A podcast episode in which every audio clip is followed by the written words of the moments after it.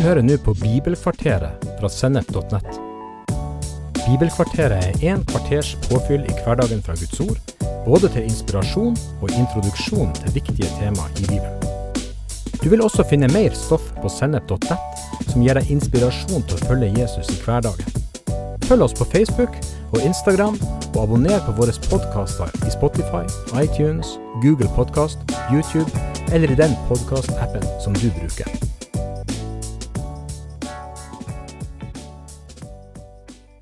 Jeg møter stadig kristne som synes å være opptatt av å snakke både til seg sjøl og til andre om at de er gode nok. Det er kanskje ikke så underlig i seg sjøl, men jeg syns det er et litt underlig uttrykk av den enkle grunn at det ikke samstemmer med en bibelsk måte å snakke på. Men før vi prøver å finne bakgrunnen for dette fokuset, så kan det være lurt å spørre om det er i forholdet til Gud, til andre eller til seg sjøl en skal være god nok. Dette har ikke bare å gjøre med folks forståing av sin egen identitet, nemlig, men med hele forståelsen av sjølve evangeliet. Ofte er det sånn at mennesker ikke kjenner seg gode nok fordi de sammenligner seg enten med andre, eller de lever i et mentalt bilde av hva en god kristen oppførsel skal være. Det kan være grunner til at en ikke fullt og helt har grepet evangeliet, men òg mange utenforliggende årsaker. Andre ganger, og i motsatt fall, er det sånn at kristne lever et liv som er veldig lite annerledes enn det som er vanlig utenfor kristen sammenheng, og holdt fast på at Guds nåde har gjort de gode nok sånn de er, uten krav til å endre noe som helst. Og så har det blitt mer og mer sånn, og i kristne miljø, at ingen bør kommentere måten andre lever på. Hva som er rett og galt, må være opp til hver enkelt å tenke, og vi må ha våre meninger, men vi må ikke si det til noen, for da vil det være å dømme. Om vi ser bror vår eller søster vår gjøre ei synd, så sier Jesus at vi skal gå til personen og tale han eller hun til rettes på tomannshånd for å hjelpe til omvendelse og tilgivelse og et rett liv. Det kan vi lese om i Matteus 18. Men om vi gjør dette, så vil det være mange som mener at vi dømmer. Og det er for så vidt riktig, fordi vi dømmer mellom hva som er rett og galt etter Guds ord. Og det må vi gjøre for å hjelpe mennesket og for å være trufaste imot det ansvaret vi har for hverandre etter Guds ord og Jesus sine påbud til oss. At da å dømme mellom rett og galt i søsken sine liv, for i kjærlighet å hjelpe dem til å være på linje med Guds ord og vilje, at det skulle være en feil ting å gjøre, har ingen grunnlag i Guds ord. Det er snarere tvert imot et klart påbud til alle som vil leve trufast i Guds kjærlighet til andre.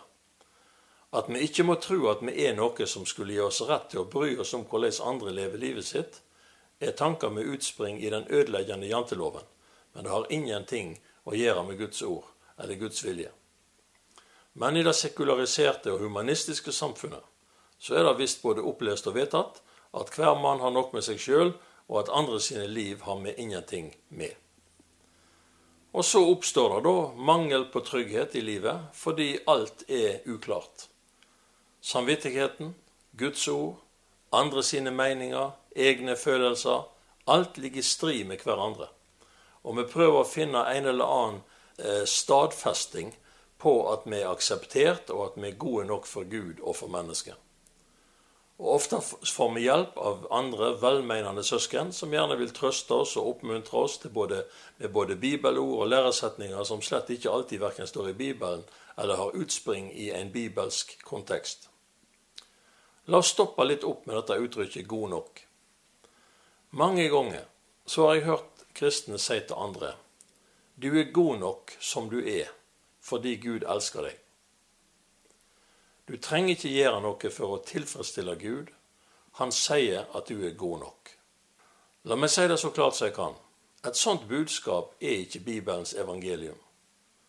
Og god nok er ikke et bibelsk uttrykk. Ofte er det sånn at vi enten går rundt med gale oppfatninger av ting Bibelen taler om, eller at vi bruker å streve med å forstå ord og uttrykk som bare er våre egne ord og uttrykk, og som ikke finnes i Bibelen. Et godt eksempel på et sånt uttrykk er uttrykket 'god nok'. Om en først skal snakke om å være god nok, så må en først definere hva som er godt nok. sånn at en har en eller annen standard å vurdere ting opp imot. For noen år siden så utvidet jeg førerkortet mitt. Sensoren som jeg da hadde på oppkjøring, han hadde et par mindre kommentarer etterpå til ting han syntes kunne vært litt bedre. Men, sa han, sånn summa summarum så var det jo godt nok. Og på arket som han ga meg til Biltilsynet, så sto det 'kjører godt nok'. Stod det. Altså godt nok til å bestå. Ordet 'nok' er et udefinert uttrykk for ei grense, der det enten ikke er godt nok, eller det er godt nok. Det kan være nesten godt nok, eller det kan være mer enn godt nok. De som vil klatre mot god nok-toppen, de vil oppleve hvor tungt det er å klatre. Sterk vilje og gode intensjoner vil føre deg ett steg fram, og så vil fordømmelsen ta deg to steg tilbake. Du vil kjenne byrden av en ryggsekk som er full av tilkortkommenhet, og du vil finne lite inspirasjon i lovtrelldommens hånlige heiarop. Dette er den ene grøfta en kan gå i av å leve i samboerskap med uttrykket 'god nok'. Den andre og motsatte grøft er å ende i gnostisk filosofisk tenking. Gnostisismen var en, eh, en av de to store vranglærerne som Paulus og Peter og Johannes og andre forfattere i NT hele tida måtte kjempe imot. Kort sagt så gikk det ut på at livet en lever, ikke betyr noen ting. Fordi det finnes en eller annen åndelig realitet som, som gjelder helt uavhengig av det fysiske og kroppslige sin respons til Gud.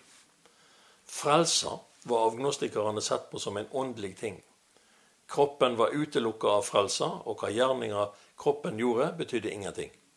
Det vil si at en kunne tenke sånn at jeg trenger ingen omvendelse, jeg trenger ingen forandring, ingen ny livsstil, ingen avlegging av den gamle menneskenaturen og ingen helliggjørelse i samsvar med naturen i Jesus Kristus.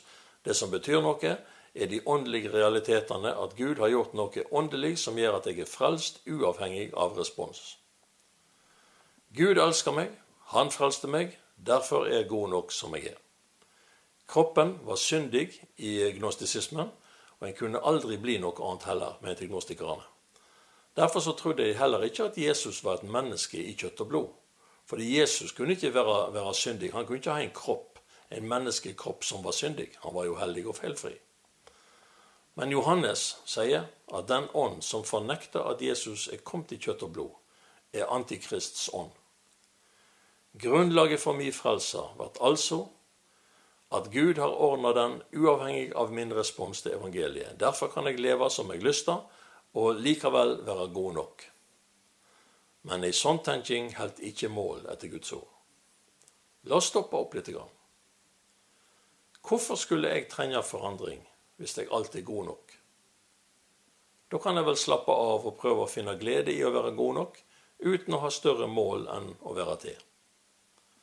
Forresten, har Gud noen gang sagt at jeg ikke er god nok? I tilfelle må jeg vel ta meg kraftig til sammen og prøve å tilfredsstille Gud på en eller annen måte ved å bli god nok. Men sannheten er at Gud har ikke sagt noen av delene. Han har aldri tatt dette uttrykket i sin munn når det gjaldt noen av oss. Vi går rundt og snakker et språk som er så ukjent for Gud at han helst vil slippe å høre det. Vi må ha rett fokus. Han har gjort meg til en ny skapning i Kristus. Og han har sett meg i en helt ny stilling framfor seg. Han har sagt meg vil si erklært meg rettferdig ved Jesu død og oppstandelse. Han har tilgitt alle mine synder fordi Jesu blod ble utrent som soningsoffer, som en løsepeng for meg. Han betalte prisen med sitt eget liv, en pris som Gud aksepterte. Han har uttrykt sin kjærlighet på alle måter, og han gleder seg i fellesskapet sammen med meg som med andre. Alt dette er på grunn av Jesus og det har ingenting med meg å gjøre, annet enn at jeg gir respons til det i tro.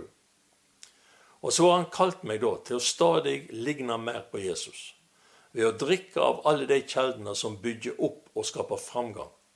Men at jeg er god nok, eller at jeg eventuelt ikke er god nok, har han aldri vært inne på. Han snakker ikke på den måten. Og det lager bare krøll for oss å tenke sånn. Vår identitet har sitt utgangspunkt i Jesus. Å leve i lovtrelldom eller å leve i synd er akkurat like ille. Det er bare at det første er mer strevsomt enn det andre, og det andre får mer ødeleggende konsekvenser for andre enn det første. Det Guds ord sier, er at uten helging skal ingen se Herren. Men la nå den motivasjonen være styrt av kjærlighet til Gud og takknemlighet, og et ønske om å kjenne Han ut ifra full visse om tilgivelse og forsoning i Kristus. Vi er meint å være i forandring hver dag vi lever, uten at forandringen en eneste en av de dagene er begrunnet i at vi ikke er gode nok. Vi er meint å vokse opp til Han som er hodet for menigheten. Vi er meint å leve i indre fornyelse som fører til ytre vokster og framgang. Vi er meint å ligne mer og mer på Jesus og hjelpe hverandre, hverandre til dette. En dag så skal vi se Han som Han er, og bli Han lik, sier Bibelen. Og helt fram i neste vers Hver den som har dette håpet til Gud, han renser seg sjøl liksom Kristus er rein. Det står i 1. Johannes 3, 2 og 3. Det vil si at vi arbeider altså nå imot det målet vi veit at Han ved si kraft og sin nåde skal fullende for oss. Ikke for at vi da endelig skal bli gode nok, men fordi det er dette vi er skapt og frelst for. Vi er Hans arv, og den arven Han skal få, er en menighet som ligner på Han sjøl. Full av Hans liv, full av Hans kraft, full av Hans kjærlighet, full av Hans hellighet og Hans rene vandring med Gud. Jeg kjenner heldigvis mange kristne som lever i helging og i vokster. Lever i overgivelse til Gud, der de stadig ved Guds nåde opplever å ta store steg i kallet sitt og i vårt felles oppdrag. Og jeg gleder meg over at Jesus blir mer og mer synlig i måten de lever på og tenker på, snakker på og tjener Gud på. Det som gjør meg veldig vondt inni meg, det er når andre skylder de for å være loviske fordi de har verdier som må leve i omvendelse, og fordi de strekker seg etter oppdraget Gud har gitt oss. Når de ikke vil kaste livet sitt bort framfor alle seriene på fjernsyn, men heller bruker tid med Gud. Når de prøver å hjelpe andre til å gjøre det samme. Eller når de oppmuntrer til å leve etter Guds ord, og ikke sånn som de gjør i denne verden. Da er det mange jeg kjenner som har blitt beskylda for å være moraliserende, fordømmende og loviske. Realiteten er at de er frie. De har et framtidshåp som de strekker seg imot med glede. De er profetiske fordi de vil ha nå det som Gud har sagt skal komme. De har funnet sin identitet i Jesus, i hans folk og i hans rike. De har åpenbæring og har vokst langt forbi det nivået der de strever med å være gode nok. De er i ferd med å vokse til modenhet og ønsker det samme for alle andre. De er eksempel for alle de truende, og de arbeider på sin frelse, sånn Bibelen sier, med ærefrykt for Gud. Jeg hørte en predikant for lenge siden som sa Gud elsker deg akkurat sånn som du er, men han elsker deg altfor høyt til å la deg forbli akkurat sånn som du er. Hvor jeg skulle ønske at vi alle så denne sannheten i evangeliet. La oss takke for nåden og friheten som er gitt oss, for å leve i Guds stadige forandring. Bli mer og mer lik Jesus og vokse i modenhet sammen med og med ansvar for hverandre. Da kan vi elske, frykte og tjene Gud med frimodighet og med glede. For gleden i Herren er vår styrke. Og så vil jeg oppmuntre alle til å være nøye med å forstå alle ting på den måten som Guds ord lærer oss da. Sånn som det står i 1. Korinterbrev kapittel 2 og vers 13. Der står det dette taler vi om, ikke med ord som menneskelig visdom har lært oss, men med ord vi har lært av Anden. For det som hører Anden til, tolker vi med Andens egne ord.